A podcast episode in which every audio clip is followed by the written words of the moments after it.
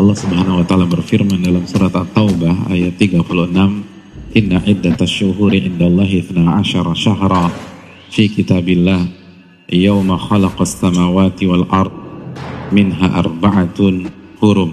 Sesungguhnya jumlah bulan di sisi Allah Subhanahu wa taala ada 12 bulan. Ketika Allah ciptakan langit dan bumi.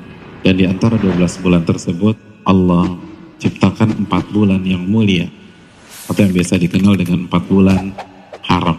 Nabi SAW bersabda dalam hadis Bukhari, Salatun mutawaliyat, tiga bulan datang berturut-turut. Dhul Qa'dah, Dhul Hijjah, Al-Muharram, terus yang berikutnya, Warrajabu Mudar, dan bulan Rajab. Tiga berturut-turut lalu ada jeda, lalu Rajab. Nah karena ada jeda ini biasanya kita lupa hadirin.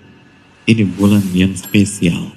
Man sanna fil Islam sunnatan hasanah falahu ajruha wa ajru man amila bila min ghairi an yanqusu min ujurihim syai.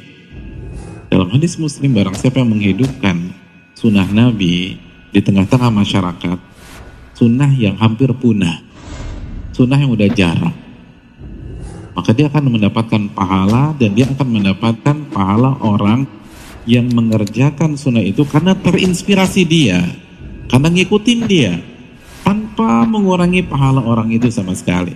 Jadi pahala orang itu sempurna, antum dapat semangat beribadah di bulan Rojab dari awal sampai akhir itu sunnah Nabi SAW yang sudah mulai punah sekarang, yang sudah mulai langka. Kalau hidupkan, oh luar biasa.